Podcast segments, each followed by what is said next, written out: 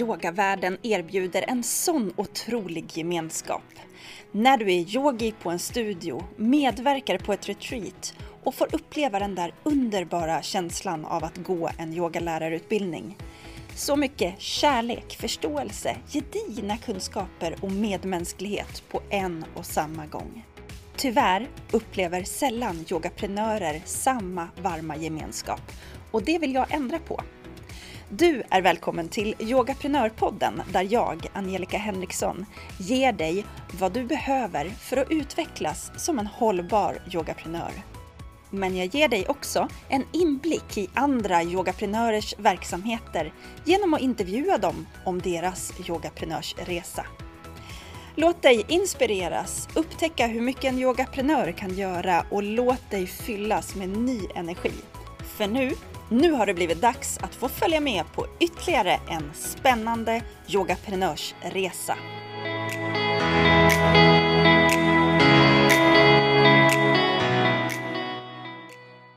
Då säger jag hej och välkommen till Yogaprenörpodden, Nelly Rolf.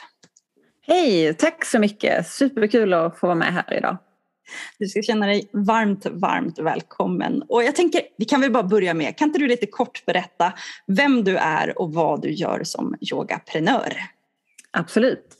Eh, jag är delvis yogalärare men jobbar också med vanligt kontorsjobb på ett eller annat sätt. Eh, och eh, som yogalärare så har jag lokala klasser här i byn bredvid där jag bor. Men jag jobbar också med andra saker som yogafestival och har SUP-yoga och eh, lite andra grejer. Ah, spännande! Det vart ju många frågetecken där på en gång. Mm. Vill du berätta vart i landet du befinner dig? Jag bor nere i Skåne, strax utanför Lund, Malmö, i en by som heter Dalby. Och eh, min yoga har jag i grannbyn då som heter Södra Sandby. Så det är lite på landet fast ändå nära stan. Mm. Ja, rätt bra läge. Mycket bra läge låter det som. Våren har väl kommit längre hos er tänker jag. Det, det har den. Absolut. Ja, värt ett besök.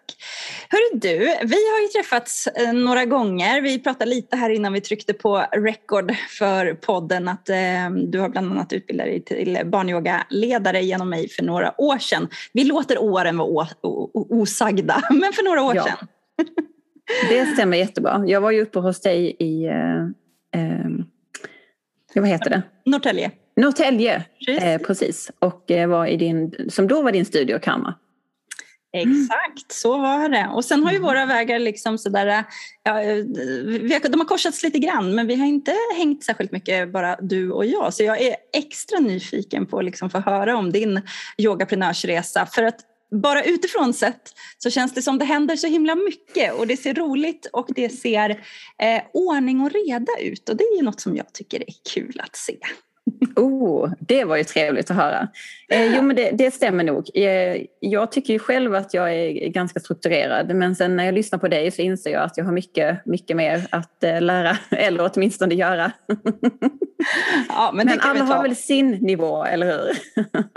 Verkligen. och så försöker jag som du säger göra liksom saker som känns härliga på olika sätt. Jag kombinerar ju ofta yoga med andra grejer.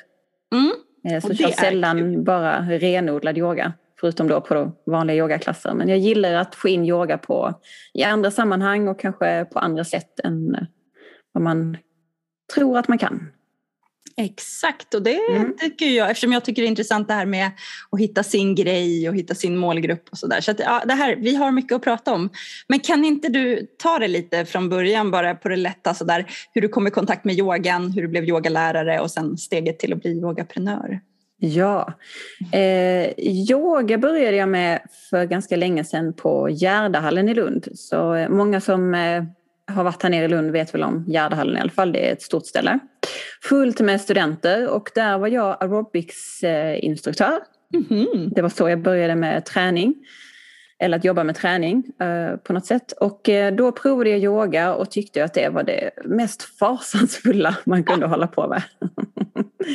Eh, jag tror att det finns fler som kommer från träningsvärlden som tycker så för att man inte är van med det här långsamma eh, och tysta och stilla. Även om poweryoga höll jag på med då. Eh, vi hade eh, Ulrika Norberg, en av hennes första böcker, Poweryoga, som vi utgick ifrån. Eh, på den utbildningen som jag då började ganska snabbt efter att jag hade provat yoga ett par gånger för att jag insåg det här behöver jag. Det var inte så att jag gillade det från början men jag insåg ganska snabbt att jag, jag behöver detta, verkligen. Så jag utbildade mig till poweryoga-instruktör på Gärdahallen och det här var ju då 2007. Så det är ett tag sedan. Det är ett tag sedan. Eh, men sen flyttade jag så då blev det inte så mycket instruerande eller ledande av klasser på just Gärdahallen utan jag flyttade till Helsingborg och var på lite olika gym där jag hade yoga och var oftast ensam yogalärare eller möjligtvis var vi två.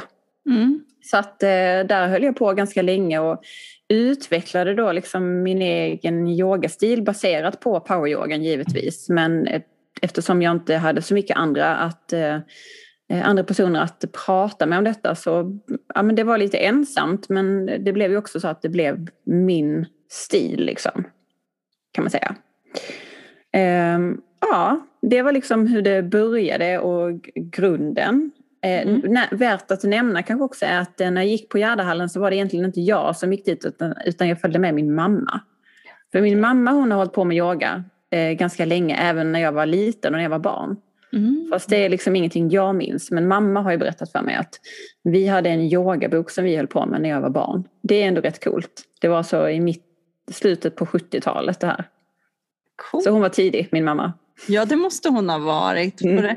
Då, då, var yoga flum för det, många. Ja, den här boken var ju väldigt oflummig som vi hade. Eh, det skulle nästan önska att vi hade den kvar, men jag tror inte vi har det. Men det var ju liksom kanske, man såg det som flum, men eh, det var liksom asanas i den här boken för barn och vuxna. Mm. Coolt. Mm. Vad, vad, roligt att höra. Men när du säger att det här behöver jag. Jag mm. tänkte, du kom ändå från instruktörsrollen så du var van att instruera och så. Men, men, det var ändå du som kände att du behövde det och gick ändå en instruktörsutbildning. Kan du berätta lite hur tankarna ja. gick där? Eh, Ja, men alltså, jag är ganska snabb i tanken, i huvudet och vill att det ska hända mycket. Eh, så att, att jag kände att jag behövde det var ju ett, helt enkelt att jag hittade, det var ett sätt för mig att ta en paus. Att mm. liksom låta huvudet få vila. Mm. Eh, så att för mig var det mest huvudet som var liksom hjärnan, att den fick ta en paus som gjorde att jag ville gå igen. Och sen var det ju givetvis också bra för kroppen men jag tränade ju redan supermycket så att den behövde nog egentligen få slappna av om jag ska vara helt ärlig. Eh, och eftersom jag redan var instruktör så var det väldigt lätt att hoppa på en utbildning och då tänkte jag nog mest att jag ville lära mig mer om yoga. Mm. Men ju mer jag lärde mig desto mer intresserad blev jag ju av att lära mig mer. Och eh, sen kände jag väl när den här utbildningen var slut att men gud wow, det här är ju helt fantastiskt. Det är klart att jag vill leda liksom klasser i detta. Eh, ja. Vad häftigt. Och då var ju du redan instruktör så du var van i den rollen. Liksom. Ja. Så det var bara att komma. Ja, va, härligt att höra. Vad va, tog det vägen sen då? Med den här lite egna yogastilen som du har? Ja, ja men jag, för mig, jag tror att det liksom egentligen var det en, då var det ju en bisyssla. Jag jobbade och liksom, det var, yogan var bara någonting jag gjorde vid sidan om. Men jag ville liksom ändå hålla kvar det på något vis. Eh, så den var lite, ja, men det var någonting jag gjorde lite med lillfingret skulle jag nog ändå säga. Eh, under ett par, ganska många års tid. Eh, sen så fick jag mitt första barn och eh, då flyttade vi sen tillbaka till Lund. Eller till Dalby då, där vi bor nu, utanför Lund. Och då var jag faktiskt på Gärdehallen och hade klasser igen. Så då kom jag liksom, cirkeln slöts och jag var tillbaka på samma ställe igen. Så under en tid så hade jag klasser där. Men sen kände jag att, ja, du vet, med, när man skaffar familj och så var jag tvungen att transportera mig och det var ju ja, inte superbra betalt. Och då kände jag någonstans att tiden, det var inte värt det. Så då startade jag eget företag. Ah, jag förstår. Ja. Och vad tänkte du att du skulle göra då? Eh, jag tror inte jag tänkte sådär jättemycket mer än att jag skulle ha klasser. I Dalby just? Ja, eh, jag, eh, jag träffade på en, en tjej som heter Johanna som är virryogalärare som du säkert känner, Johanna Wallén. Jajamän. Och hon hade ju yoga, vi bor ju i samma by, hon hade ju yoga redan här utomhus på somrarna. Och hon hade nog andra, hon hade andra kurser också på lite olika ställen här eh, runt omkring. Så att då började vi prata, kommer inte ihåg hur, men vi fick kontakt med varandra. Eh, och då så hängde jag på henne. Så ah. att eh, vi eh, som hade liksom lite yoga tillsammans eller vi eh, marknadsför oss tillsammans. Vi var på samma plats på sommaren och sen hade vi olika dagar. Eh, så började det här i byn. Och sen har jag också varit på olika ställen och flyttat runt. Alltså jag har flyttat så många bolster så du anar inte. In i bilen, från min källare, upp i bilen, tidigt på morgonen. Ur bilen, in i lokalen, ur lokalen, in i bilen. Alltså jag fick till och med tennisarmbåge. Så Nej. många bolster flyttade jag. Oh, shit vad mycket man har slitit ibland alltså. Det är helt otroligt. Eh, så det gjorde jag, flyttade runt på ganska många ställen. Eh, men nu har jag då en yogalokal som Johanna hyr in sig i. Aha, det blev så istället? Så blev det. ja. Precis. Eh, för, för tre år sedan så slutade jag på mitt kontorsjobb och blev egen på heltid. Ja. Och då hade vi, hyrde jag, inte Johanna utan en annan yogalärare, en lokal gemensamt som vi använde. Eh, och sen bytte den ägare och då stod jag som, så nu står jag på kontraktet och sen hyr de av mig. Ah. Så blev det till slut. Så blev det, så blev det till slut. Eh, så att vi har en, eller jag har en yogalokal för att det känns som att det är vi som har den. Och sen är vi tre yogalärare som har klasser var för sig i egen regi. Men vi har valt att samarbeta så att uh, man kan alltid liksom, missar man klass hos mig så kan man ta igen den hos någon av de andra. Mm. Så vi funkar som ett community men vi har varsitt eget företag. Oj, vad spännande. Mm. Ja. Väldigt trevligt är det. Ja, men det förstår jag. Alltså, jag tror att du precis har målat upp drömmen för väldigt många ja. som vill ha det på det sättet.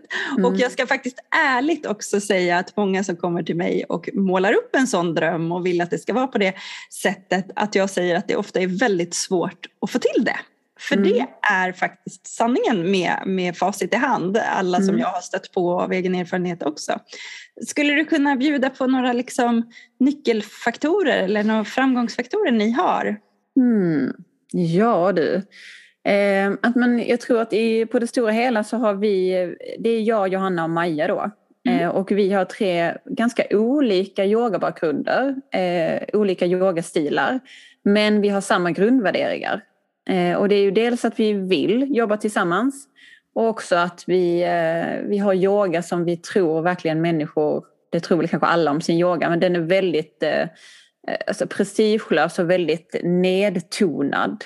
Jag hittar inga riktigt bra ord för det. Men, mm. Och det, har liksom, det kommer mer och mer. Men ja. eh, framför allt så tror jag att jag har hittat två personer till som vill samma sak. Alltså det är väl det som det behöver vara. Vi ser ingen konkurrens mellan varandra utan vi, är, alltså vi vill bara hjälpa varandra. Ja. Det finns liksom ingenting i, eh, ingen av oss ser en konkurren, konkurrensbild och de som yogar för oss eh, tycker ju det här är superbra. Såklart. Såklart. Så att dels får de ju ta del av alla oss tre och en del säger också, ah, men kan vi inte, jag vill gå lite hos dig och lite hos Maja och lite hos Johanna. Vi bara, ja vi förstår det. Mm, vi, vi, vi tar det med oss liksom och sen får vi se om vi kan hitta något sätt. Eh, så på somrarna har vi till, till exempel så att vi, vi tre delar upp klasserna eh, på sommarschemat. Eh, och det är ingen innan som vet vem som kommer utan det vet bara vi. Mm. Sen köper de ett sommarkort kan man göra nu då och då så splittrar vi det helt enkelt förstår. Ja, men mm. vilken, vilken fenomenal grej. Men jag blir ju supernyfiken. Vi måste, två saker måste vi ta ja. i här. När du säger att ni vill liksom samma sak, har ni, ja. har ni suttit ner och liksom uttalat det, så här, hitåt vill vi? Har ni satt gemensamma mål? Nej. Nej? Nej, vad jag menar med att vi vill samma sak är ju att jag menar att vi vill, liksom, vi vill ha den här gemenskapen. Vi vill inte konkurrera med varandra. Och sen är det ganska olika var, varför vi har yoga. Alltså hur stor del av vår eh, eh, business det är. Mm. Vilket betyder att vi också har olika förutsättningar och olika behov. Ja. Men det spelar liksom ingen roll. För att vi Nej. vet om detta. Men vi har inte gjort någon sån här, alltså vi träffas ju ibland och planerar saker. Eh, liksom planera inför sommaren och planera hur vi hur ska vi tänka till. Så att vi har väl gått lite mer att vi eh, liksom linjerar lite bättre i prissättning och sådana saker men det gjorde vi inte från början. Men det är också så att det blir ju naturligt så eftersom annars så blir det lite konstigt. Om en skulle ligga väldigt mycket lägre i pris så undrar man ju lite varför den ligger lägre i pris och varför den andra ligger högre i pris. Ja. Men det har inte heller varit något problem. Alltså jag tror inte att de jämför oss, deltagarna jämför inte oss på det sättet heller. Det är mm. rätt intressant. Ja, verkligen. Mm. verkligen. Går ni under samma namn, samma hemsida eller är ni tre business? Nej, vi är tre business. Eh, ja. Jag på min sida har ett schema som täcker hela eh, liksom, Yogaverkstan heter den. Eh, ja. Som ett väldigt eh, icke-kommunicerat namn. Men eh, det var en verkstad innan och vi har yoga där nu så det blev yogaverkstan. Snyggt tycker jag. Ja. så att det, man skulle ju kunna tänka sig att man skulle kunna göra det mer officiellt. Men eh, hittills har det liksom inte varit, eh, nej det har inte varit i tiden ännu. Men det kanske kommer. Man vet aldrig. ja, för det är ju min andra del där då. Ja. Om ni inte har suttit ner och pratat om det så eh, mm. vet ni eller du har nästan svarat på den, men, men jag tänker framtiden. Finns det något att ni diskuterar vad som ska hända framåt? Eller just om kunderna har eh, efterfrågan om att kunna yoga hos mm. alla. Och så. Hur, vad tror du om framtiden? Um, ja, men det, jag vet faktiskt inte. Kanske att man skulle kunna tänka sig att eh, vi gör något ännu mer gemensamt. Eh, mm. det beror lite på tror jag vad var och en eh, vill göra med sin yoga. Alltså, mm. om man, för jag vill ju definitivt ha kvar min business. Jag är den som har mest business i det skulle jag väl säga. Mm. Eh, och sen Johanna också och Maja lite mindre. Mm. Men eh, nej, jag vet faktiskt inte. Nej. Jag tror att alla tre är öppna för, eller jag vet att alla tre är öppna för att diskutera det eller liksom åtminstone se om det finns någonting vi skulle kunna göra annorlunda. Mm. Definitivt. Mm. Men det har inte, jag tror att det har inte varit i, tajmingen har inte varit rätt ännu. Nej, och det, kan ju bli. funkar. Så att, det, eh, precis, det funkar ju just nu, absolut. Ja. Det är väl mer att kunderna kanske skulle vilja ha möjligheten då att gå hos alla tre. Så ja. vi, det skulle kanske potentiellt vara någonting som vi kan kika vidare på. Kanske redan till hösten, mm. vem vet? Ja, absolut vad man skulle mm. kunna göra. Um, har ni um, suttit ner i form av om, någon skulle vilja kliva ur, har ni gjort en sån exitplan av något slag? Om någon skulle vilja sluta, har ni diskuterat sånt? Eh, nej, det har vi inte för att vi planerar en termin i taget.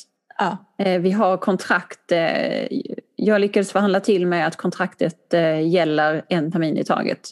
Ja, hyreskontraktet? ja, ah. precis. Och det är också för att det här huset ska någon gång i framtiden rivas. Fast det är ingen som vet när. Nej. Det är inte ett rivningskontrakt vi har. Nej. Men nu vet vi i alla fall att eh, vi kommer få vara där i minst i två år till. Okay. Eh, och eftersom kontraktet är på ett, en termin så är det ju bara att vi har snackat ihop oss inför nästa termin. Eh, och, vilket också betyder att vi inte riktigt kanske kan planera så långsiktigt som man hade önskat. Nej. Eh, så. Men så att vi, vi jobbar väldigt mycket termin för termin. Och eh, jag har liksom tagit på mig risken att stå som den som äger, eh, liksom, som hyr lokalen. Eh, men det betyder också att jag kan hyra ut den till fler människor. Ja, just det. Så det ja. kan göra så istället. Ja. ja, men där kanske du faktiskt delar med dig av en av nyckelfaktorerna. För det blir mm. också skillnad när både att det faktiskt finns ett stoppdatum även om du inte mm. vet när. Det gör ju att du inte kan etablera hur stor verksamhet som helst. Nej. Innan man sitter fast i en lokal. Ja. Eh, men också det faktumet att du, du skriver termin för termin eller med, får med dig Maja och Johanna på tåget vilket mm. ju gör att ni ändå har ett, ett gemensamt ansvar på, i, något, i något mån. Ja, jo men det stämmer ju. Och skulle mm. det vara så att de inte skulle vilja vara kvar då kanske då hade jag ju fått fundera på vad jag ska göra. Ja, givetvis. Ja, ja. Men det finns så mycket möjligheter med den här lokalen så att ja. Eh, det är väl en av de sakerna som jag vill utveckla. Det är att liksom fler kan ta del av lokalen för att den, mm. den är väldigt bra, den är fin. Eh, trots att den då ligger i en gammal verkstad i ett, någon form av rivningshus. Ja. Men många blir förvånade när de kommer in i lokalen och bara wow, kunde det se ut så här i det här huset? Ja, det kunde det. Eh, så jag gillar den väldigt mycket. Eh, mm. Och det, det ger en bra känsla. Så jag skulle gärna vilja att man kan använda den till mer. Ja. Så det liksom ligger på min framtidsplan eh, eftersom jag då har den. Den står ju tom den största delen av tiden. Mm. Så varför inte se om man kan använda den till annat. Så det kommer jag att jobba på. Har du några förslag på vad det skulle kunna vara om du fick drömma? Ja, men, eh, ja, men det har jag. Jag har ju alla mina kalas med mina barn till exempel. Ja.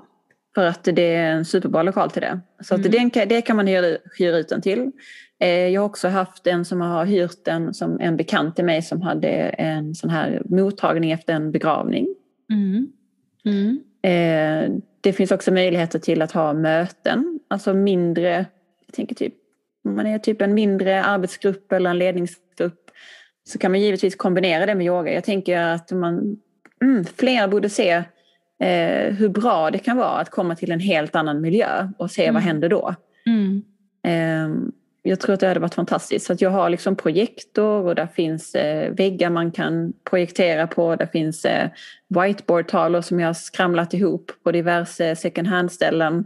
Så jag är liksom preppad eh, men har liksom inte lyckats riktigt eh, nå ut med detta.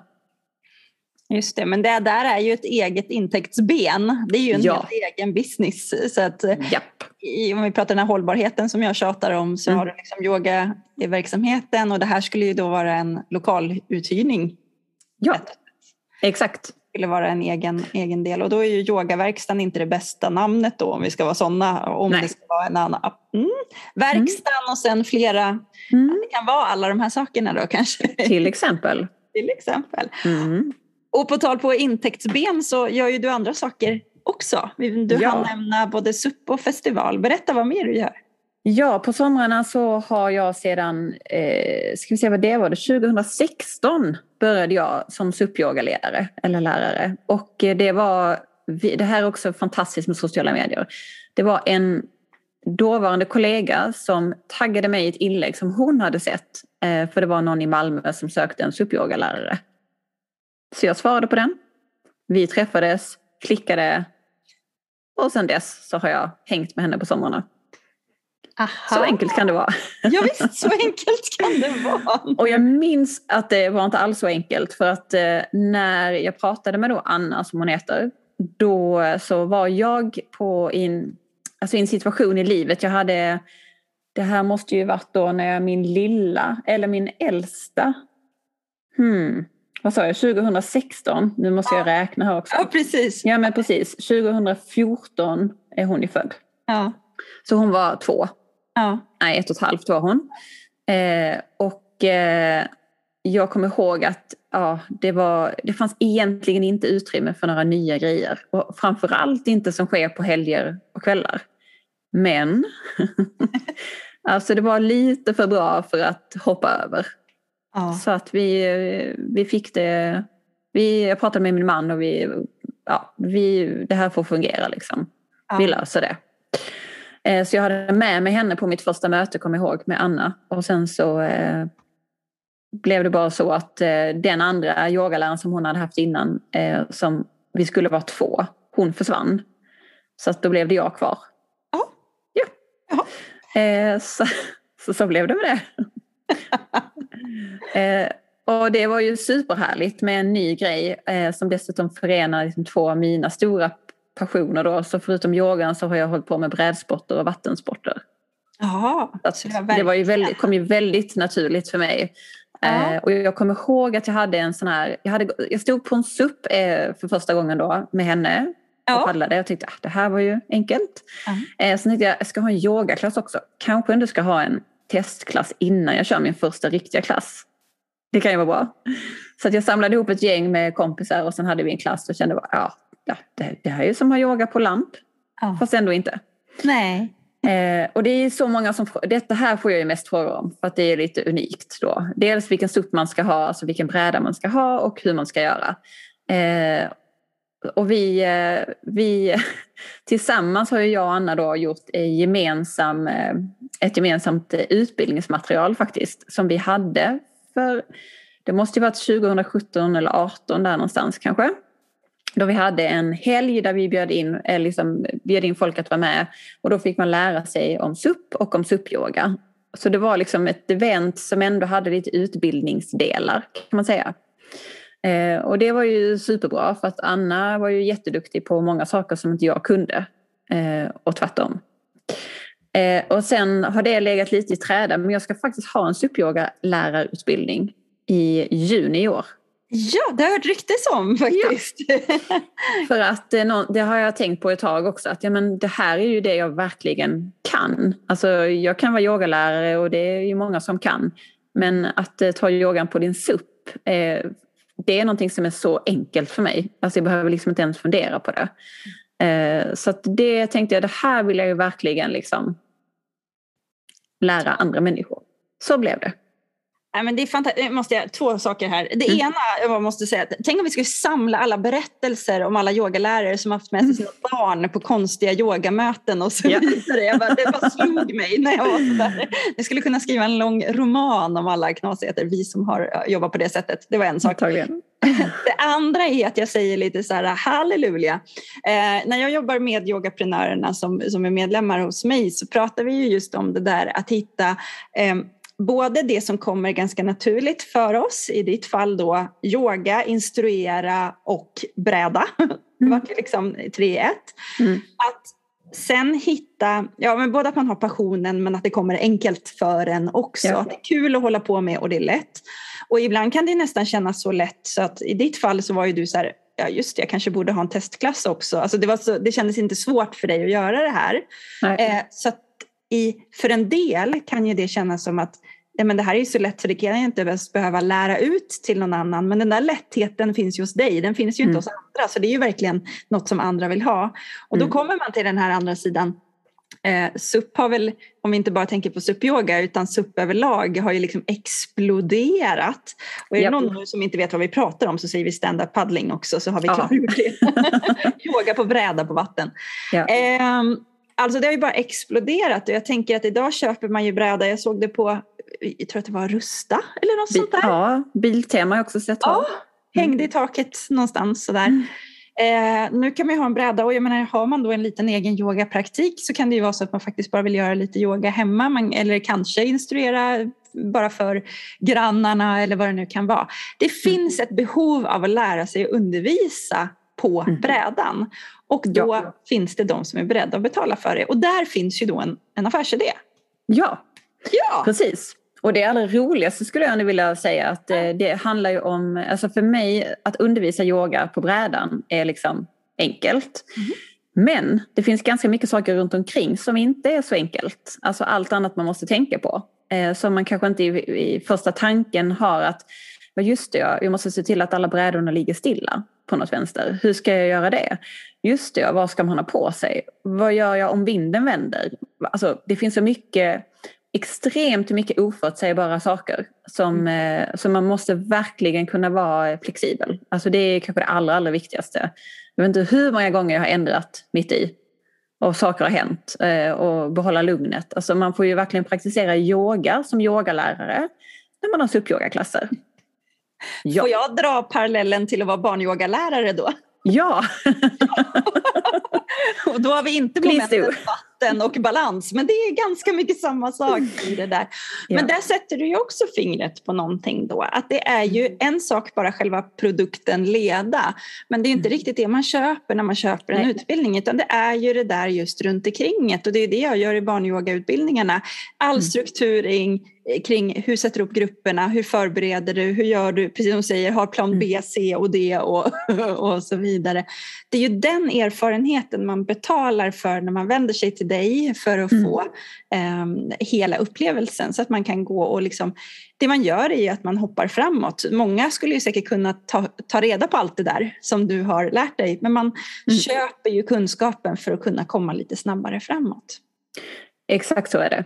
Eh, ja. Och i detta fallet så kan man nog kanske, man kanske kan googla men jag är osäker på om du får några bra svar ens när du googlar detta.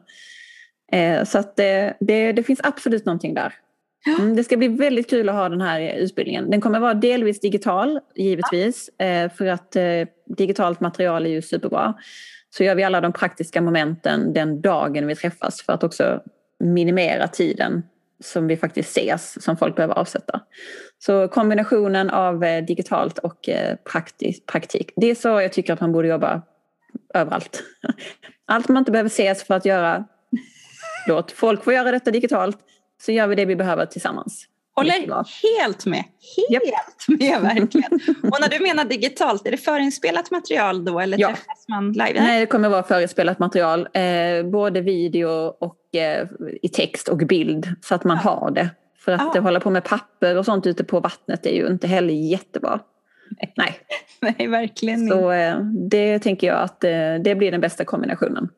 Ja, verkligen. Och då tänker jag, nu pratar vi utifrån eh, kundens håll, att den ja får eh, det på bästa sätt. Du har ju mm. identifierat där att papper inte är en bra grej på vatten till exempel. Men det gör ju också att du skapar en tillgång som du kan öka på om vi nu ska sätta oss i ditt yogaprenörskap. För att yep. du minimerar ju tiden som du behöver, det blir en dag då som man träffas mm. här innan. Men sen kan ju du sälja den här andra delen till hur många som helst. Absolut. Så du kan ju skala upp det.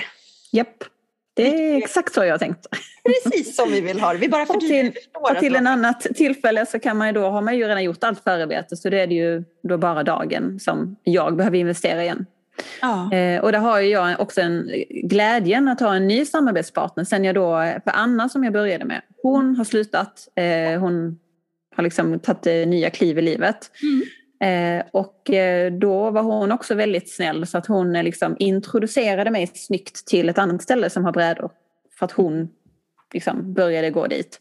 Så att nu samarbetar jag med Malmö Wake Park i, i Malmö då, Västra Hamnen. Så det ligger också väldigt bra.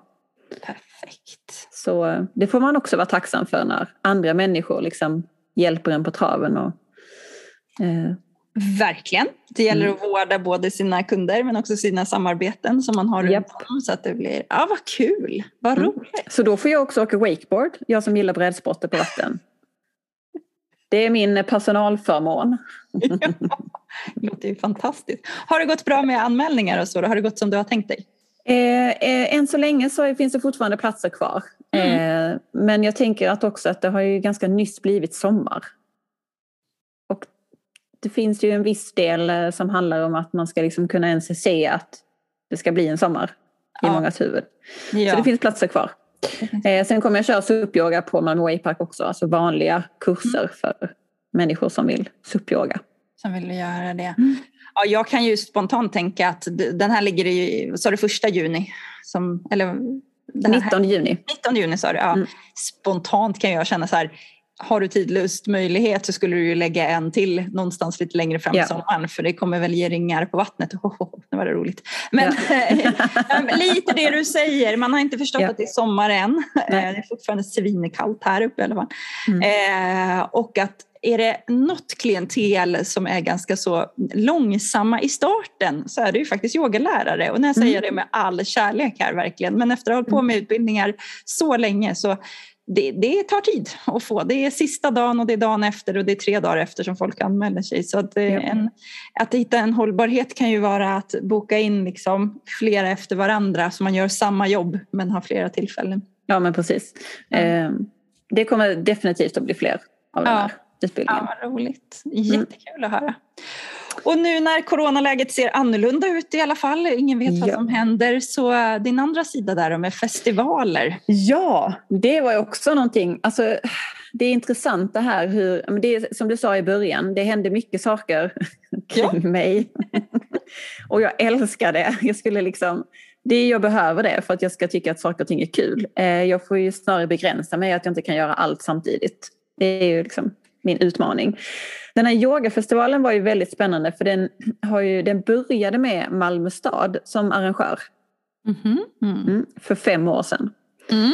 Eh, så de hade en yogafestival och eh, sen beslutade de sig för att ha det ett år till. Och då frågade de mig, hej, vill du jobba för Malmö stad och vara vår yogaexpert? Absolut, sa jag. Eh, det kan jag väl göra. Och eh, då gjorde jag det. Så då var jag liksom inne på Malmö stad och fick förstå hur det här funkar, liksom hur de jobbar internt. Eh, jag hade kontakten med yogastudios, eh, satte schemat och sådana saker. Men det var ju de som gjorde mycket av det praktiska arbetet runt om. Och då var ju festivalen också gratis ska vi säga. Eftersom det var skattepengar som finansierade det hela. Mm. Sen slutade jag på mitt IKEA-jobb. Eh, där jag jobbade innan då på kontor. Eh, och då så eh, efter, i början av sommaren slutade jag. Så gick det lite tid och så kände jag bara någonstans att eh, den här yogafestivalen, undrar hur det blir med den. Eh, och då hade de beslutat att det skulle inte bli ett år till. Det tog lite tid innan eh, det beslutet kom fram. Så då tänkte jag, men alltså det är ju jättesynd för den var ju väldigt välbesökt mm. de andra åren. Eh, så sent om sidor, liksom egentligen i sjunde, elfte timmen, så bestämde jag att ja, men, äh, vi kör. Ja. Vi provar. Vad kan gå fel? Mycket kan tydligen gå fel. Men eh, jag hade extrem tur det året. Okay. Extrem tur. Eh, så att jag brassade på med två stora tält. Eh, alltså jag investerade både, inte bara tid, men pengar också. I liksom, det här är då ett event som var en dag. Ah. Eh, och kostade en hel del, för jag hade ju ingenting. Eh, fick också reda på att man tydligen behöver betala för att eh, belamra marken. Hade ingen mm. aning om. Mycket saker. Självklart då polistillstånd och allt det som jag inte alls hade behövt bry mig om innan eftersom då var det ju Malmö stad som stod för det och de betalade ju ingen markupplåtelse för att de är ju Malmö stad. Eh, och det blev en sån succé. Wow! Det blev framförallt strålande väder. Ah. Och är det någonting som man är extremt beroende av när det gäller utomhusaktiviteter så är det mm. väder. Jag hade ingen som helst prepp för att eh, om det hade varit dåligt väder. Så, så när jag säger att jag hade tur så hade jag tur. För ja. jag tror att över hälften av deltagarna köpte sin biljett sista dagen eller ja. samma dag. Mm. Mm. Men eh, tack vare det så gick jag faktiskt plus. Wow. Mm. Ja, Men det hade kunnat bli en dyr historia. Men det blev det inte. Nej, bra jobbat, grattis! Men i efterhand så, eh, jag tror att jag behövde jag tänkte inte så mycket på det. Jag behövde utmana mig. Jag, hade, jag kom från en tid där jag, hade, jag kände att jag hade varit för liksom begränsad under så lång tid. Så jag behövde liksom bara ge mig ut och det fick bära eller brista. Alltså, jag hade inte så mycket risktänk. Jag bara kände att jag måste göra detta. Jag måste få öppna min kostym liksom och få vara hela jag. Mm. Eh, och det var så himla härlig känsla, speciellt då när det blev en sån fantastisk succé. Alltså, det var ju jätteunderbart. Sen kom ju pandemin så att eh, de två senaste åren så har det ju varit väldigt begränsat. Eh, men vi har ändå lyckats eh, genomföra festivalen på ett bra sätt med då olika sätt att eh, anmäla sig till klasser och checka av innan för att då se till att vi inte var för många människor. Jaha, så ni har kört, vad häftigt! Jajamän! Ja. ja, ja, det var ingenting som kunde stoppa det. Eh, första pandemiåret så fick man boka biljett och sen fick man boka in sig på eh, x antal klasser. Och så mm. fick man bli avcheckad inför varje klass.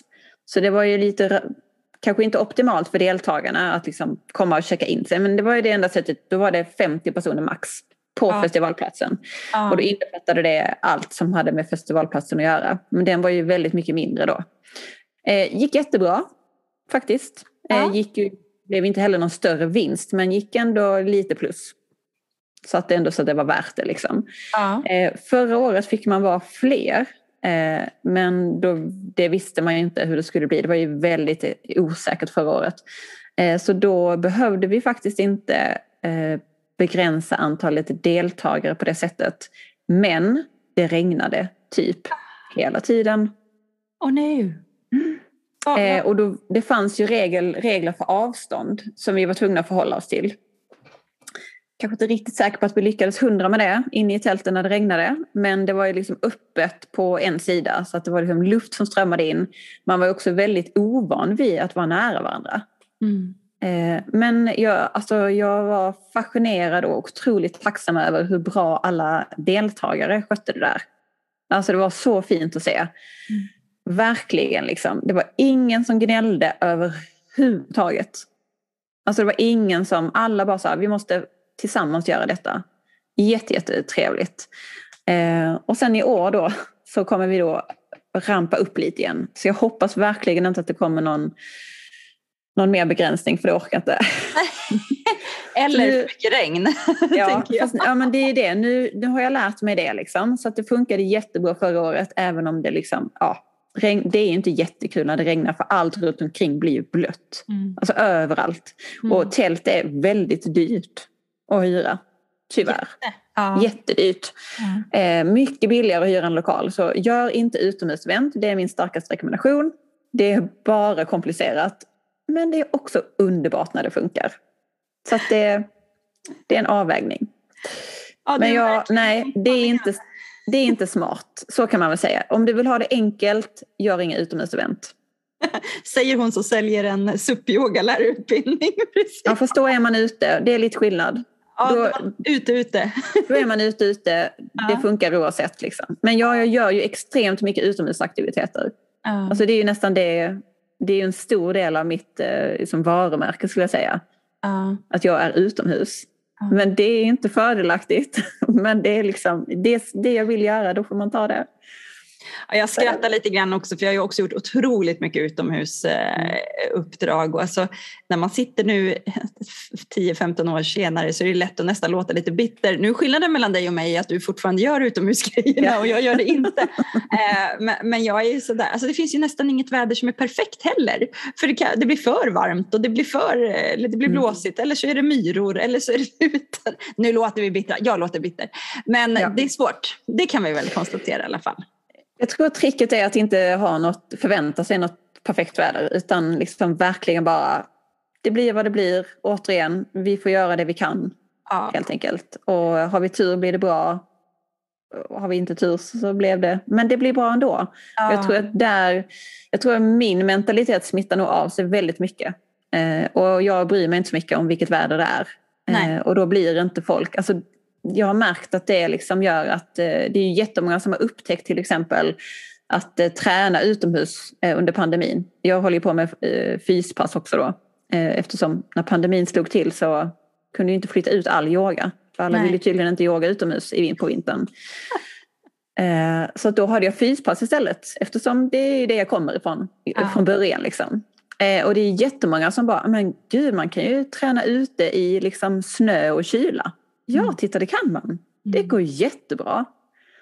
Eh, Men jag, tror på det du säger, ditt mindset mm. smittar av sig alla ja. gånger. Eh, men sen händer det ju något också när det blir, när man har gjort sitt bästa. Liksom, mm. så, så, så att deltagarna hamnar ju också, det, det är ofta man kan ha liksom nästan bättre stämning när det händer någonting, när det blir någonting knasigt. Liksom, för då ja. kan man inte hänga upp sig på små detaljer utan då hjälps folk åt istället. Ja, ja men absolut. Det tror jag också. Ja. Men jag hoppas ändå att det inte blir regn detta Nej. året på yogafestivalen. Sista helgen i augusti ska jag också säga att det är. Alltid sista helgen i augusti. Malmö, Ribersborg, Ribban, Stranden. Väldigt bra location. Mycket, mycket bra. Jag tycker att vi kör lite länkar sen i poddbeskrivningen här så att ja. de som är intresserade kan titta både på det och SUP-yogautbildningen mm. tänker jag. Mm. Okej, så vi har, liksom, vi har festival, vi har yoga i Dalby och vi har SUP-yoga och så har mm. vi möjlig lokaluthyrning mm. här framåt. Mm. Har du något med, mer i pipelinen? Eh, ja, all, det här är då mina subaktiviteter ska jag säga. ja, då kör vi. Så min huvudaktivitet är ju att jag frilansar eh, inom eh, olika typer av roller där, och det här är ganska nytt för mig att faktiskt gå ut med detta. Det har funnits i mitt huvud länge. Eh, definitivt sen jag slutade eh, på mitt eh, vanliga kontorsjobb på IKEA. Men, eh, och det är mycket grundat i alla de erfarenheter jag har från att ha jobbat 14 år på en stor global organisation. Eh, och det är ju att eh, kombinera eh, liksom, yogafilosofin och de verktygen vi har med yoga i business. Ja. Spännande. Ja. Eh, för det är så mycket som hade kunnat bli så mycket enklare, tror jag, på de flesta arbetsplatser och för företag. Eh, och det, är ju, det är liksom går in på massa områden som stress och psykisk ohälsa, att folk känner sig otillräckliga, förändring blir jättesvårt för att alla liksom håller i allt de har och de är liksom inte trygga. Alltså det finns mängder av saker man kan prata om. Le, liksom ledarskap, alltså att leda sig själv men också att leda andra. Att ha en, men, eh, ska man säga, ett eh, förhållningssätt till sig själv och de människorna man leder till exempel. Mm. Eh, eller jobbar tillsammans med. Alltså det, oh, det finns så mycket där. Det är fortfarande svårt att ens definiera vad det är. Ja, jag, liksom, ja. jag är på den resan. Och ännu svårare att liksom, jag känner ändå att det börjar röra på sig på den fronten. Men det är inte enkelt att liksom sälja in. Det ska man väl, det ska jag villigt erkänna. Ja. Att det är det inte. Eh, men jag är så övertygad om att det behövs. Mm. Ja, verkligen, jag är ja. med dig. Absolut. Och det är ingen hittills som har sagt någonting annat. Eh, men det gäller att hitta rätt kund tror jag. Och verkligen kunna jobba med detta. Ja, om, om jag ska följa liksom mina sätt att jobba så tänker jag att du har en klarare bild i huvudet eller i magen, hjärtat mm. någonstans kanske än vad mm. den är visuellt utåt. Ja. Eh, var på liksom klarheten behöver göras även utåt ja. i liksom ord och eh, grafik på något sätt för att kunna kommunicera det. Exakt. Och det jag brukar prata om är ju att, liksom, att skapa en metod är mm. ju för att det vi, har, vi sitter på alla de här yogaverktygen. De är liksom en hel verktygslåda och så sitter du på dina erfarenheter ifrån ja, men Ikea och mm. att arrangera en, en festival. Och, alltså det är ju många sådana bitar. Och så ja. ligger det som en massa liksom blandade verktyg och det skulle man ju, många av de sakerna kan man, om vi tar ditt exempel, googla sig fram till, alltså bara det mm. verktyget eller bara det. Det blir ju metoden, chippet ja. som sätter det emellan som kommer behöva vara din grej. Ja. Eh, och kunna kommunicera utåt. Ja. Och det är otroligt spännande. Tänker du att det är liksom mot liksom enskilda individer, typ soloprenörer eller är det mot uh, stor, större företag? Har du hittat någon? Eh, jag skulle ju helst vilja jobba med medelstora eller större företag. Eh, ja. Men med individerna enskilt där till att börja med. Ja, just det. Eh, jag tror att man kan få bäst effekt då. Eh, mm. Och sen kommer det säkert som får ringa på vattnet därifrån. Mm. Vi får se. Jag är mitt uppe i den processen. Jag har nyligen gått med i ett frilansnätverk som är, lite, som är inriktad på den här typen, på det här sättet att jobba. Mm. Eh, mycket trevligt eh, och får mycket hjälp där också så att jag kan komma till den här klarheten och tydligheten som mm. finns någonstans i mig men som jag inte riktigt har lyckats eh, verbalisera på något sätt. Så det, det, är precis det jag håller på med. Den är ju en process. Den, man, ja. Där har ju du en, en styrka och det är ju att du gör, att du inte är rädd för att göra. Mm. För att fastnar man för länge i det här liksom tänkandet och planerandet hemma på kammaren mm. då blir det ju inget av för det kommer aldrig, du kommer aldrig hitta det förrän Nej. du gör. Liksom. Det, är mötet med, det är säkert i mötet med en kund som du kommer få en sån epiphany. Ja. Liksom, bara, ja. det är ju det här. Exakt, det tror jag också. Och jag tycker ju att jag har tänkt alldeles för länge. Eh, ja. men alltså, I tre år liksom har jag gått runt och marinerat detta i bakhuvudet. Mm. Eh, och sen var det inte förrän jag gick med i det här frilansnätverket som jag kände att ja, men, de kan hjälpa mig. Det kommer vara någon som faktiskt håller koll på att jag gör saker. Mm, För annars ja. är det också väldigt lätt att det är ju bara jag själv. Liksom. Ja. Och det går ingen nöd på mig. Jag har en jättelång att göra-lista. Det är inte så att jag sitter sysslolös. Det skulle liksom aldrig inträffa. Eh, så frågan är bara vilket ska prioriteras på den här listan. Mm. Eh, så att eh, det, det känns superbra. Så att vi får väl se om jag har en update sen om några år kanske. Några år? Tänker redan till ja. våren så vill vi höra något. Vem vet? ja men det hade varit superhärligt och som, lite som du säger också, kombinera det som man har väldigt lätt för själv.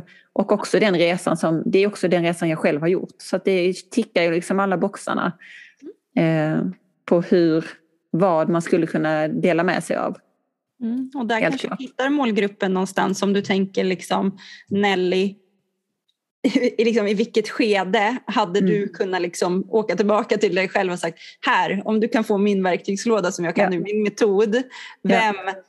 Var var Nelly då? Var stod hon i livet? Vad gjorde hon? Och vilka ord hade hon då mm. reagerat på? Och där tänker jag att det blir att du behöver tänka på vem är kunden? För att om du vänder dig till Nelly, tidigare mm. årgång, eh, då har du ju ett sätt att prata med henne. Men är det så att du vill nå företaget för att sen komma ja. ner, då har du ju ett helt annat sätt att prata. Så Precis. det kommer bli ganska intressant att se vem det är. Om man tänker på barnyoga har jag valt att vända mig mot privatpersoner. Att jag mm. hittar ju kanske pedagoger som jag når som privatpersoner som vänder sig till sin skola och kanske får mm. det betalat eller sin arbetsgivare. Så. Mm. Eh, jag skulle ju kunna ha en helt annan eh, ton där jag vänder mig direkt till skolan och pratar gentemot dem. Men jag ja, tycker ja. att det blir en, en, bättre kommunikation när jag vänder mig mot privatpersonen även om det ofta är arbetsgivaren som betalar. Så det är också ja. en sån Kanske en ja. pusselbit du kan fundera på i alla fall. Ja, men där är du också inne på någonting väldigt spännande. För jag har ju också hållit på med yoga i skolan tillsammans med eh, människor som har gått eh, barn och tonårsyoga hos sig. Precis. Ja, Lissa och Åsa. Eh, och eh, det ligger liksom på någon form av, ja, men det är på någon form av paus. Eh, men det, idén lever fortfarande kvar. Eh, mm. Men det är också precis det som du säger nu. Vem är det man ska nå och hur? Ja. Och vad är erbjudandet? Det är, det är inte så lätt som man kan tro. Eh, och ibland är det inte heller så svårt som man kan tro. Men just mot eh, offentlig verksamhet så är det ganska klurigt, har vi fått erfara. Ja, och det som händer i offentlig verksamhet och som jag tjatar ofta om det är ju att vi, vi tror att det är så enkelt men när vi jobbar mot institutioner och skolor de, det är fortfarande människor. Det kommer mm. fortfarande ner på människonivå. Det är en yeah. HR-chef eller en rektor eller en kurator eller någon som ska tycka att vad bra med yoga i skolan så ska vi ta in mm. det. Och sen beror det ju på, det kan ju vara så att precis där och då så finns det projektpengar och det finns avsättningar och man gör detta. Mm. Och sen byts det ledning. Eller byts eh, politik och det blir nya mm. pengar eller blir andra anslag. Och så bara så att hållbarheten i att jobba gentemot liksom, ja, men institutioner, skola och så kan vara mm. ganska så svag av mm. den anledningen. Mm. Att, det, att man snarare ska komma ner på individnivå och jobba. Men mm. ja, här känns som vi skulle kunna ha ett långt samtal om. ja, det hade vi kunnat. Men eh, man får ju, jag, jag, tänker ändå att man kan ha de idéerna och som man ändå har liksom börjat göra någonting på. Det gör ingenting om de får vila lite. Det ska man inte heller vara rädd för. Utan nu var det inte riktigt eh, läge för det och vi är tre personer som det ska synka med eh, och det är inte heller helt enkelt. Alla har liv och det händer saker i allas liv. Eh, och då kan det få ligga och vila lite, det gör inte mig så mycket. Nej, Nej. Och det är faktiskt helt sant. Man kan mm. få kicka igång något och det behöver inte vara ett misslyckande överhuvudtaget utan det är bara ett, ett, bra beslut att ta. Nej. Alltså så många klokheter och jag får många bra tankar. Jag hoppas att det har inspirerat många som har lyssnat här också. Du har varit mm. väldigt generös och givmild. Men om du skulle vilja skicka med någonting från det här jag vågar faktiskt säga det, efter att ha hjälpt så många yogaprenörer så vet jag att är det någon pusselbit som man skulle vilja ha utav dig så är mm. det ju där modet att våga göra, att det inte mm. sitter fast. Skulle vilja skicka med någonting, vad är det som får dig att våga? Ja, men jag brukar säga att jag har, jag har väl utvecklat eller hade kanske en hel del med mig ett, eh, något av det här Pippi-mindsetet. Att det här kan jag inte så det går säkert jättebra. Eh, och jag tänker att men det handlar ju någonstans om att inte övertänka saker, att inte se, alltså tänka på grejer och såklart liksom analysera riskerna. Det måste man göra till en viss grad. Men att övertänka saker och liksom se alla typer av hinder som potentiellt, eventuellt skulle kunna komma, då kommer man inte våga göra någonting. Eh, och det är väldigt sällan som man liksom misslyckas på ett sätt, nu sätter jag upp sådana fnuttar, misslyckas på ett sätt som blir liksom skadligt för en själv. Oftast är det det som händer att man lär sig någonting. Mm. Och även saker som jag har gjort som jag känner, åh gud jag har lagt så mycket tid på att till exempel göra en onlineutbildning som aldrig ens kom ut. Mm. Det var ju sjukt mycket onödig tid. Fast nu visade det sig att det var det kanske inte. För att den kompetensen kan ju vara bra när jag ska göra andra saker. Mm. Så man lär sig hela tiden av det man provar. Så att, eh, ja, jag skulle säga, ah, var inte för orolig för att det ska gå fel. Snyggt. Man lär sig alltid någonting. Mm. Ja, ja, ja, Verk, verkligen. Ja. Man blir lite blek om nosen ibland och lite trött ja. på sig själv. Mm. Och sen får man borsta till sig och gå vidare. ja, det skulle ja. jag säga. Och om man känner att det är läskigt, kanske ha någon vid sin sida. Mm. Alltså så man inte står ensam. Mm. Kan också vara bra. Eh, så känns det kanske lite tryggare. Ja.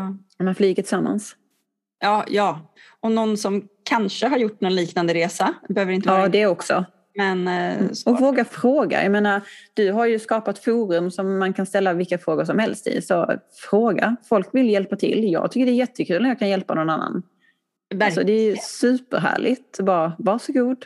Verkligen. Och jag brukar prata om i mina forum att man behöver inte ens ha en konkret fråga, för ibland vågar folk inte fråga för att de inte har en tillräckligt smart formulerad fråga. Man, man kan skri- kasta ut något luddigt också.